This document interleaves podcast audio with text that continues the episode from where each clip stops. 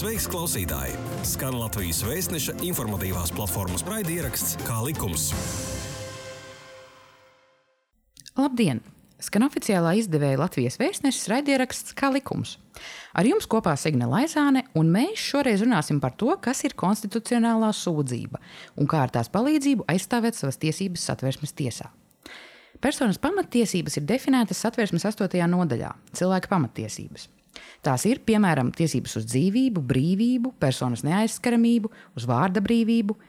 Tāpat satversme paredz tiesības apvienoties sabiedriskajās organizācijās, vērsties valsts un pašvaldību iestādēs ar iesniegumu un saņemt atbildi pēc būtības, tiesības uz īpašumu, tiesības uz sociālo nodrošinājumu vecuma, darbnespējas un bezdarba gadījumā, kā arī citas.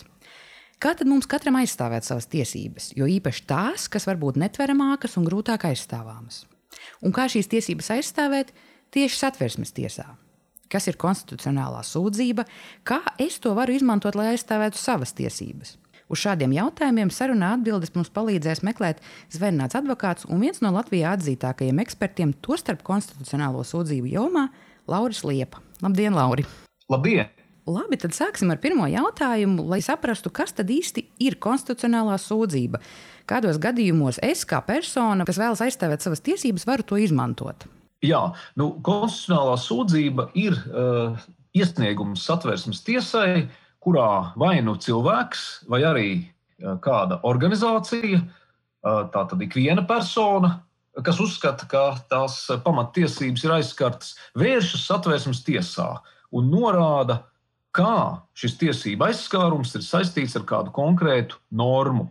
Tātad priekšnoteikums, lai satvērsmes tiesa skatītu konstitucionālo sūdzību, ir kāda tiesība norma, kura iesniedzēja prāt neatbilst Latvijas satversmei vai vispārējiem tiesību principiem. Ko tad es īsti varu panākt, iesniedzot šādu sūdzību? Tas nozīmē, ka tiks mainīta šī norma, ja viņa neatbilst. Jā, nu, tā tad acīm redzamas normas neatbilstības gadījumā satversmes tiesa īsāk kā gada laikā, tātad ārkārtīgi operatīvā laika posmā, ko likums te ir noteicis, izskatīs iespējami neatbilstošo normu, novērtēs to un tad sniegs detalizētu analīzi par to, kādēļ šī tiesība norma neatbilst satversmei, kur ir šīs pretrunas pamats, un nu, tā tad iesniedzējiem labvēlīgā gadījumā atzīs normu par spēkā nēsošu, labākajā gadījumā vai nu no tā brīža, kurā šo normu vai tās negatīvās sekas ir piemērojuši pret attiecīgo individu, vai arī tā no tā brīža, kurā satversmes tiesa šo spriedumu pieņem. Tā tad ir divi varianti, kur ir atšķirīgi no katras lietas konkrētiem apstākļiem. Tas nozīmē, ka vai šis spriedums būs būtisks ne tikai man kā individam, bet tas sanāk arī sabiedrībai kopumā, ja tā norma tiek atzīta par neatbilstošu. Satversmes tiesas lietās katrs spriedums ir nozīmīgs visai sabiedrībai. Nu, divu iemeslu dēļ. Pirmkārt, tādēļ, ka nav runa par vienu konkrētu uh, problēmu risinājumu, bet ir runa par to, ka risinot konkrētu uh, tiesisku neatbilstību, uh, šī ietekme satversmes tiesas spriedumam ir vispār saistoša. Tātad tā attiecās jau uz normas spēkā esamību pret visiem individiem, pret visu uh, subjektu loku, uh, un tātad šo normu uh, atzīst par spēkā nēsošu kā tādu, nevis tikai attiecībā uz konkrēto personu. Ja? Tātad, sākot no satversmes tiesas sprieduma spēkā stāšanās datuma. Savukārt otrs iemesls, kādēļ eh, katrs satvērsmes tiesas spriedums ir vispār nozīmīgs, ir eh, šī sprieduma argumentācijas saistošais spēks. Tātad tā ir viena no tām interesantajām situācijām, kur ne tikai sprieduma gala rezultāts ir nozīmīgs, bet nozīmīgs un saistošs gan iestādēm, gan Latvijas tiesām ir arī tas ceļš, kādā satversmes tiesa nonāk pie rezultāta. Tātad argumenti, apsvērumi, kurus tiesa ir izteikusi, un kas, protams, arī ir jāņem vērā tālāk jau tiesām un iestādēm. Labi, es esmu, nu, teiksim, es kā indivīds, esmu nonācis pie situācijas, kurš uzskata, ka manas tiesības ir kādā veidā aizskartas. Ar ko tad man ir jāsāk, lai es iesniegt konstitucionālo sūdzību, vai tas notiek brīdī, kad es vienkārši secinu, ka manas tiesības ir aizskartas, vai tam ir, ir jābūt arī kādiem pirms notikumiem, lai es varētu vērsties satversmes tiesā. Es pareizi saprotu, tā nav tā pirmā instance, kur vienkārši es vēršos, ja kaut kas nav kārtībā. Precīzi. Tātad šis tiesība aizskārums var būt, um, var izpausties dažādos veidos. Vai nu tātad indivīds konstatē, ka ir spēkā stājusies norma, kas rada vai potenciāli radīs nelabvēlīgas sekas, vai arī uh, iestāde ir pieņēmusi nelabvēlīgu uh, lēmumu individam, vai arī, uh, tātad, piemēram, ir jau tiesa izskatījusi vispārējā kārtībā, krimināla procesā, administratīvajā vai civilā procesā kādu strīdīgu gadījumu, un tad ir sekas, kas ir nelabvēlīgas. Visos šajos gadījumos tā tad ir viena kopēja pazīme ka nevis pats uh, lēmums, ar kuru uh, tiek šīs sekas radītas, bet kāda tiesība norma, uz kuras pamatojās šis lēmums vai tiesību norma, kura stāsies spēkā un radīs šīs negatīvās sekas, uh, ir acīm redzami netaisnīga, acīm redzami neatbilstoša uh, tiem uh, vispārējiem principiem, kas ir ietverti Latvijas satversmē. Ja es pamanu teiksim, šādu tiesību normu, tas, nav, tas taču nenozīmē, ka es varu uzreiz svērsties satversmes tiesā. Man ir jāizmanto kaut kādas citas iespējas pirms, vai nevienmēr? Jā, jo Pilnīgi precīzi tā tas ir, ka uh, tūlītēji vērsties satversmes tiesā uh, var tikai ārkārtīgi retos specifiskos gadījumos, uh, kas ir arī diezgan precīzi aprakstīti satversmes tiesas likumā. Taču parastajā gadījumā, redzot, ka ir kāda tiesība norma, kura iespējams neatbilst satversmē, vispirms ir jācenšas šī neatbilstība risināt tajā kārtībā, kādā nu, konkrētā problēma kopumā ir izcinām. Proti, piemēram, ja kāds indivīds uh, konstatē, ka uz uh, viņa prāta satversmē neatbilstošs uh, likuma normas pamata ir pieņemts nelabvēlīgs lēmums, tad vispirms šis lēmums ir jāapstrīd. Nu, ņemsim tādu praktisku piemēru. Tātad šobrīd cilvēkiem ir diezgan daudz rūpju mm, sagādājusi pandēmija, kuras ietvaros mums ir ierobežojumi, kuras ietvaros daudzas no tām ierastajām lietām, kuras mums šķita normālas, vairs nedarbojās. Un mēs eh, tātad uzskatām, ka tie ierobežojumi nu, viņi eh, ne tikai apgrūtina mūs, bet varbūt arī ir uz robežas ar eh, tiesiskumu. Un tāpēc, tātad, protams, katrs indivīds ir tiesīgs apsvērt un domāt, kas tad īsti nav kārtībā, kas te būtu jādara, kas ir jālabo. Un, tā tad vispirms, pirms doties uz satversmes tiesu, ir jācenšas tikt galā ar šī lēmuma ja tas jau ir eh, konkrēts iestādes lēmums, apstrīdēšana administratīvajā procesā. Ja, Tātad, ja mums ir kāds ierobežojums, kas mums šķiet eh, nesamērīgs, netaisnīgs, tad vispirms mēs mēģinām tikt galā ar konkrēto lēmumu. Jo ir vēl viens ļoti būtisks solis, ka eh, tātad administratīvās tiesas, ja mēs runājam tieši par tātad, iestāžu lēmumiem, uh, Administratīvās tiesas ir tiesīgas izskatīt uh, arī konstitucionalitātes problēmu. Un, protams, tās nekad ar augstām pilnvarām apveltītas kā satvērsmes tiesas. Tomēr arī administratīvās tiesas var nepiemērot acīm redzami uh, netaisnu normu. Tātad uh, jāsaka tā, ka var būt arī uh, iestāžu vai tiesu līmenī nemaz vēl neejot uz satvērsmes tiesu. Ķersimies pie nākamā. Ja nu tomēr eh, cilvēks ir nonācis situācijā, kurā viņš eh, vai nu ir izgājis cauri visam procesam un nerod atbildi, vai nu tomēr Jā. ir gatavs vērsties, ar ko tad ir jāsāk? Ehm, vai ir kaut kāds paraugs, vai es pats varu rakstīt konstitucionālo sūdzību, vai man tomēr labāk vajadzētu advokāta, jurista palīdzību? Kā tad ir vieglāk, kā tad ir nu, labāk? Jā, nu, protams, ka eh, kā daudzās jomās, eh, tur, kur ir nepieciešams speciālās ziņa, zināšanas, vislabāk būtu izmantot eh, zvērnāt advokātu palīdzību, jo satvērsmes tiesas process ne tikai kā tiesa, bet arī tādēļ, ka tas ir īpaši komplicēts, ņemot vērā to, ka satvērsmes tiesa ir radījusi, sacīt, tādu ļoti bagātīgu judikatūru, ļoti bagātīgu mm, esošo izskatīto lietu klāstu. Eh, tajās ir paraugi eh, daudziem problēmu risinājumiem, jau tātad profesionāļiem, kuri nodarbojās ar eh, satvērsmes tiesas jautājumiem. Protams, būs ātrāk un vienkāršāk orientēties, un tie varēs daudz īsākā laika sprīdī, terējot mazāku resursu, sagatavot kvalitatīvu sūdzību satvērsmes tiesai. Tātad skaidrs, ka tas būtu līdzīgi kā ir arī ar medicīnas pakalpojumiem. Mēs necenšamies ārstēt paši sevi, mēs dodamies pie tiem, kuri ikdienā nodarbojas ar eh, konkrētu jautājumu kārtošanu. Taču, ja kāds jūt eh, aicinājumu pats vērsties satversmes tiesā, tad, protams, jā, likums neierobežo eh, tiesības. Šis nav process, kas būtu pakļauts tikai un vienīgi kādai profesionālai kvalifikācijai, kā tas ir ar notariāliem aktiem vai kriminālu procesu, kur ir specializēta, tātad, specializētā subjekta tiesības. Satversmes tiesas pieteikumu var sagatavot katrs pats. Un, bieži vien, tātad tīpaši satversmes tiesas pirmajos gados, satversmes tiesā vērsās daudz individu tiešā veidā, neizmantojot juristu palīdzību, nu, bet šis process ir kļuvis komplicētāks. Tāpēc es labāk ieteiktu vērsties pie profesionāļiem. Kā gatavot pieteikumu? Nu, jāsaka tā, ka atvērsmes tiesas uh, spriedumos, uh, iepazīstoties ar tiem, mēs jau redzam to matricu. Ja? Tātad mēs redzam to struktūru, uh, kādā atvērsmes tiesa analizē konkrēto problēmu. Un līdz ar to mums ir jāvadās pēc tās. Citiem vārdiem, mums ir jādod atvērsmes tiesai atbilstoši tās izstrādātajam paraugam, arī katrā nākamajā lietā pieteikums uh, kuru nu, lielā mērā pēc pazīstamas kārtības satversmes tiesa arī skatīs. Un kā tad notiek šī sūdzības iesniegšana? Es viņu esmu uzrakstījis, eh, manuprāt, visu pareizi. Eh, kā tad es viņu īsti varu iesniegt, un vai ir kādi termiņi, kas eh, gan man ir jāievēro, gan ar kuriem man ir jārēķinās, kurus atvērsmes tiesa kādā laikā atbildēs? Jā, nu, jāsaka, šeit ir ļoti uh, labvēlīgs un moderns likums satversmes tiesas darbībai.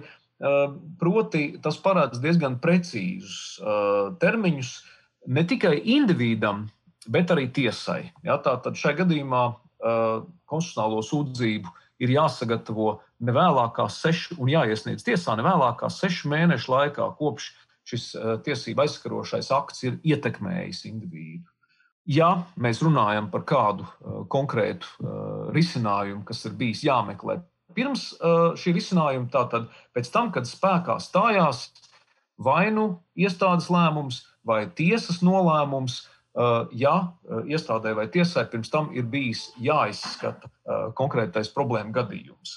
Nu, tātad sešu mēnešu termiņš ir pietiekami garš, lai sagatavotu kvalitatīvu sūdzību. Nu, no pieredzes es varu teikt, ka tāda labas, nopietnas sūdzības sagatavošana Eh, gandrīz vienmēr prasa vismaz mēnesi nopietna, eh, rūpīga darba, eh, kur ietvaros tiek ne tikai pētīta esošās atvērsmes tiesas prakse, bet arī jāpēta tiesību doktrīna, tātad tie literatūras avoti, kas ir nozīmīgi, lai pamatotu katru konkrēto problēmu.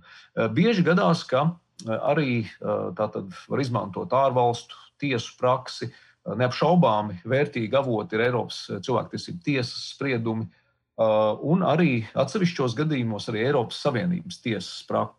Tātad, jāsaka, ir ļoti apjomīgs tas materiālu uh, klāsts, kas ir jāizpēta, lai varētu uh, sagatavot pieteikumus atvērsmes tiesai.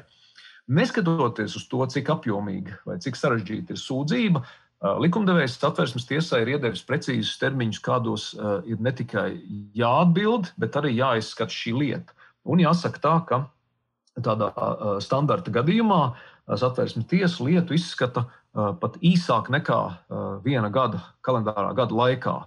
Nu, tā tad uz pieteikumu, ko uh, ir iesniedzis sūdzības iesniedzējs, jau 30 dienu laikā tiek saņemta atbilde.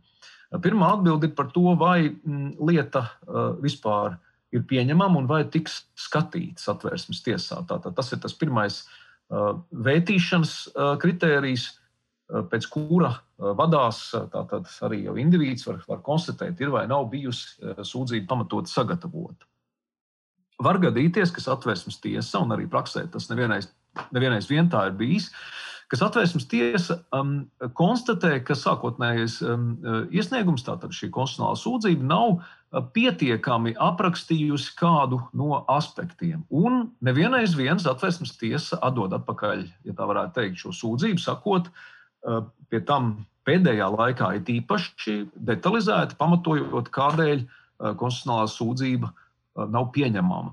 Un, ja indivīds nav atlicis šo sūdzības iesniegšanu uz pēdējo, pēdējo brīdi, tad var gadīties pietiekami laika, lai uzlabotu sūdzību un iesniegtu atkārtot. Un es varu vēlreiz jau tātad. Uh, jās, izteikt gandarījumu par satversmes tiesas ļoti kvalitatīvu darbu. Nevienais vien tātad šādas uzlabotas sūdzības tiek pieņemtas. Jā, tātad satversmes tiesa faktiski ir nu, jāsaka, tā, ļoti labvēlīga uh, institūcija, labvēlīga tiesa, jo tā, nu, zināmā mērā, tā ir ir radījusi šo dialogu standārtu ar sabiedrību, un tā skaitā arī dialogu ar konkrēto individu, kur tiesības ir aizskartas. Tātad maksimāli cenšoties palīdzēt individam atrisināt aizskārumu.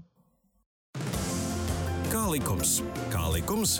Jā, tu klausies Latvijas Vēstneša informatīvās platformas raidierakstu Kā likums. Jūs minējāt ļoti plašus resursus, kurus meklēt un skatīties, lai uzrakstītu labu sūdzību. Līdz ar to gribas jautāt, Vai tas, kā viņu rakstīt, nu, tas būtu tā kā es esmu izpētījis ļoti daudz avotus, resursus, eh, juridisko literatūru.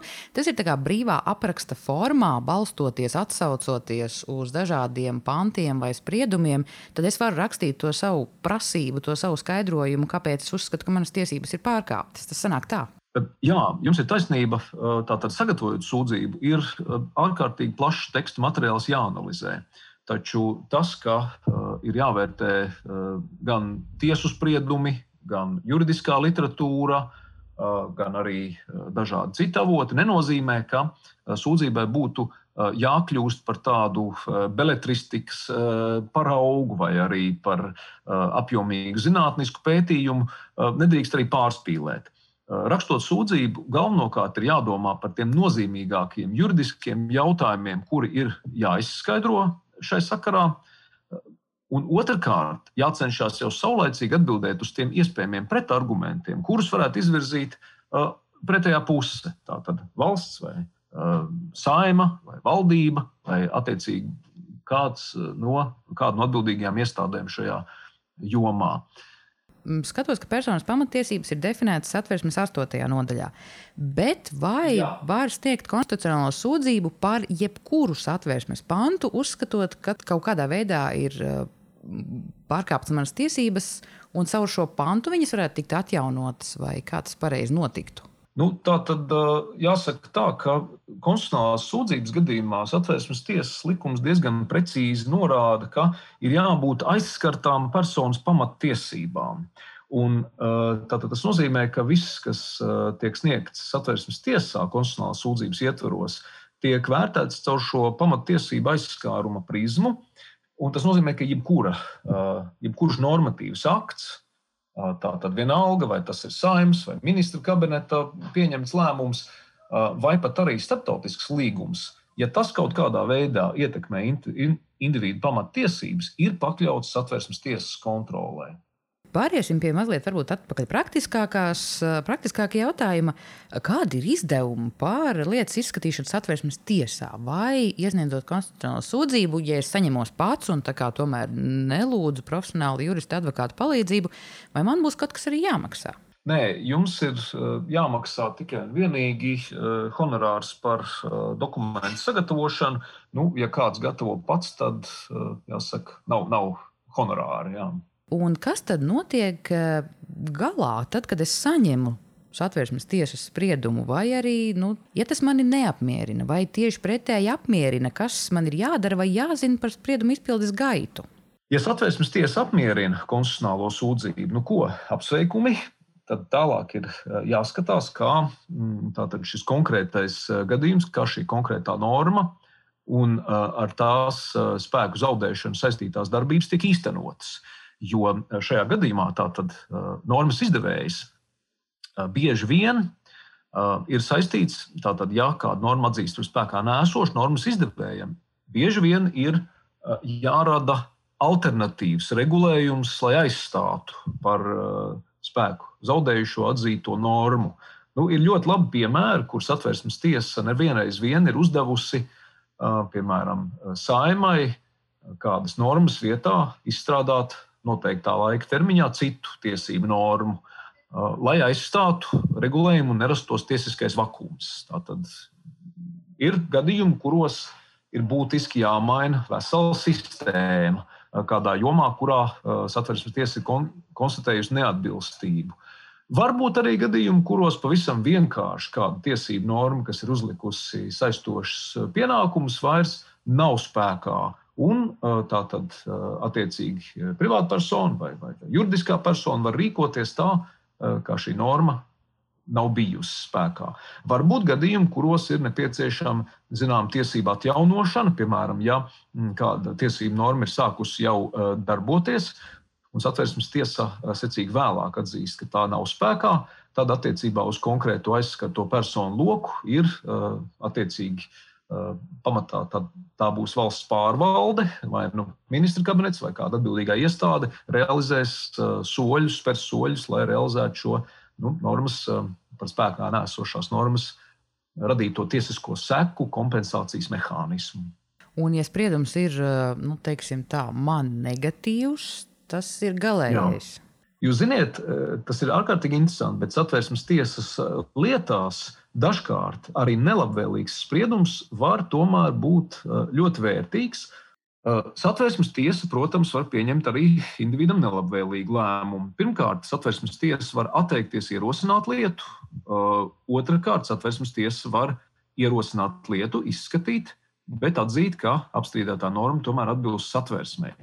Taču arī šajos gadījumos, šajā nelabvēlīgajā lēmumā, var būt arī vērtības, kuras indivīds var izmantot. Pirmkārt, ja satversmes tiesas kolēģija, trīs satversmes tiesas tiesnešu sastāvā nolemj, ka lieta tomēr nav ierosināma, bieži šajos lēmumos ir laba argumentācija par to, kādēļ lieta nav ierosināma. Un var gadīties, ka satversmes tiesas kolēģija atzīst, ka netik daudz indivīds ir saskāries ar normas atbilstību satversmē problēmu, bet drīzāk ka tiek nepareizi piemērota tiesību norma. Tātad tā ir piemērošanas problēma, nevis satversmības problēma. Un tad indivīds, protams, var bruņoties ar šo eh, kolēģijas lēmumu un censties atkal jau vispārējā tiesā. Otrakārt, eh, ja tiesa lietu pieņem izskatīšanai, bet atzīst, ka eh, apstrīdētā tiesību norma tomēr atbilst satversmei un līdz ar to individu sūdzība tiek noraidīta. Arī šajā gadījumā var gadīties, ka argumentācijā uh, ir ietverti ieteikumi vai apsvērumi, kuri kopumā individam var palīdzēt. Tā tad ne šajā konkrētā gadījumā, bet uh, var teikt, uh, obiter diktum vai tiesas uh, ieskatu, tiesas viedokļu ietvaros. Var individam dot vērtīgas norādes, kā rīkoties. Nu, faktiski satversmes tiesa savā ziņā uh, cenšas īstenot šo tiesību aizsardzības mehānismu, lai nevis vienkārši abstrakti analizētu kādas eh, normas konstitucionalitāti, bet satversmes tiesa lielā mērā darbojas kā eh, tiesību nodrošināšanas un tiesību aizsardzības līdzeklis individiem, eh, zināmā mērā uzturot šo dialogu. Ja, tā tad indivīds ir iesniedzis sūdzību kā savu lūgumu, uz ko tiesa atbild. Procesa ietvaros šis dialogs ir ārkārtīgi intensīvs, ar vairākiem jautājumiem, pretjautājumiem, ar iespējām arī vēl eh, trešajām iesaistītajām personām, piemēram, ekspertiem izteikties. Bet jāsaka, ka arī eh, noraidītas lietas gadījumā eh, šī satversmes tiesas atbilde ir savā veidā dialogs ar pieteicēju, ar individu. Ņemot kopsavilkumā, skatoties satversmes tiesas gada pārskatus un statistiku, konstitucionālo sūdzību skaits satversmes tiesā pēdējo nu, 3-4 gadu laikā ir nedaudz, bet pamazām pieaug. Kā jūs to skaidrotu un vērtētu šādu tendenci? Vai tas nozīmē, ka mēs kā sabiedrība aktīvāk sākam prast un censties aizstāvēt savas tiesības, vai arī tas nozīmē gluži pretēji, ka citi līdzekļi nav pietiekami efektīvi, ka ir bijis jāvēršas satversmes tiesā, kas ir nu, galīgais līdzeklis? Savā nesenajā intervijā satversmes tiesas priekšētāja profesora Osipola diezgan trāpīgi norādījusi, ka satversmes tiesa ir kā tāds barometrs, kas uztver uh, dažādu veidu svārstības sabiedrībā, un tā skaitā arī dažādas uh, problēmas. Minēju to iepriekšējās ekonomiskās krīzes laiku, kad ārkārtīgi pieauga viens konkrēts iedzīvotāju grupas iesniegums. Profesors Osipovs izteica prognozi, ka arī mūsu pandēmijas radītie ierobežojumi varētu radīt pieaugušu sūdzību skaitu, saistībā ar to, ka cilvēki jūt savu tiesību aizskārumu. Tātad pirmajā līmenī varētu sacīt tā, jo vairāk sūdzību, jo vairāk neapmierinātu uh, personu, uh, kuri uzskata, ka problēma ir nevis uh, kā tiek piemēroti noteikumi, kā tiek piemērotas tiesību normas, bet ka problēma ir šo normu atbilstībā satversmei. Tātad tas ir viens līmenis.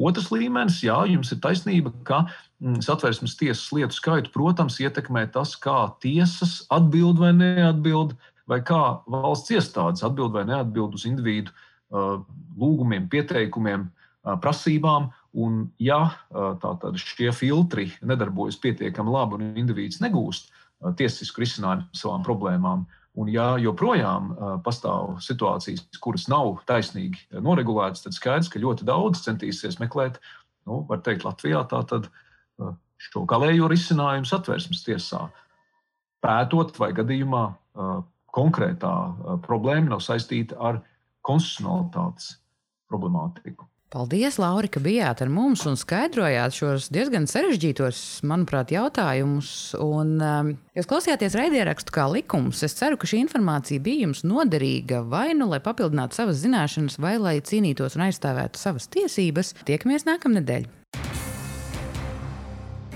Šī bija iknedēļas pusstunda kopā ar oficiālā izdevēja Latvijas vēstneses informatīvās platformas raidierakstu Kā likums. Pastāsti citiem, ja bija noderīgi un interesanti. Kā likums, tiekamies ik trešdienu!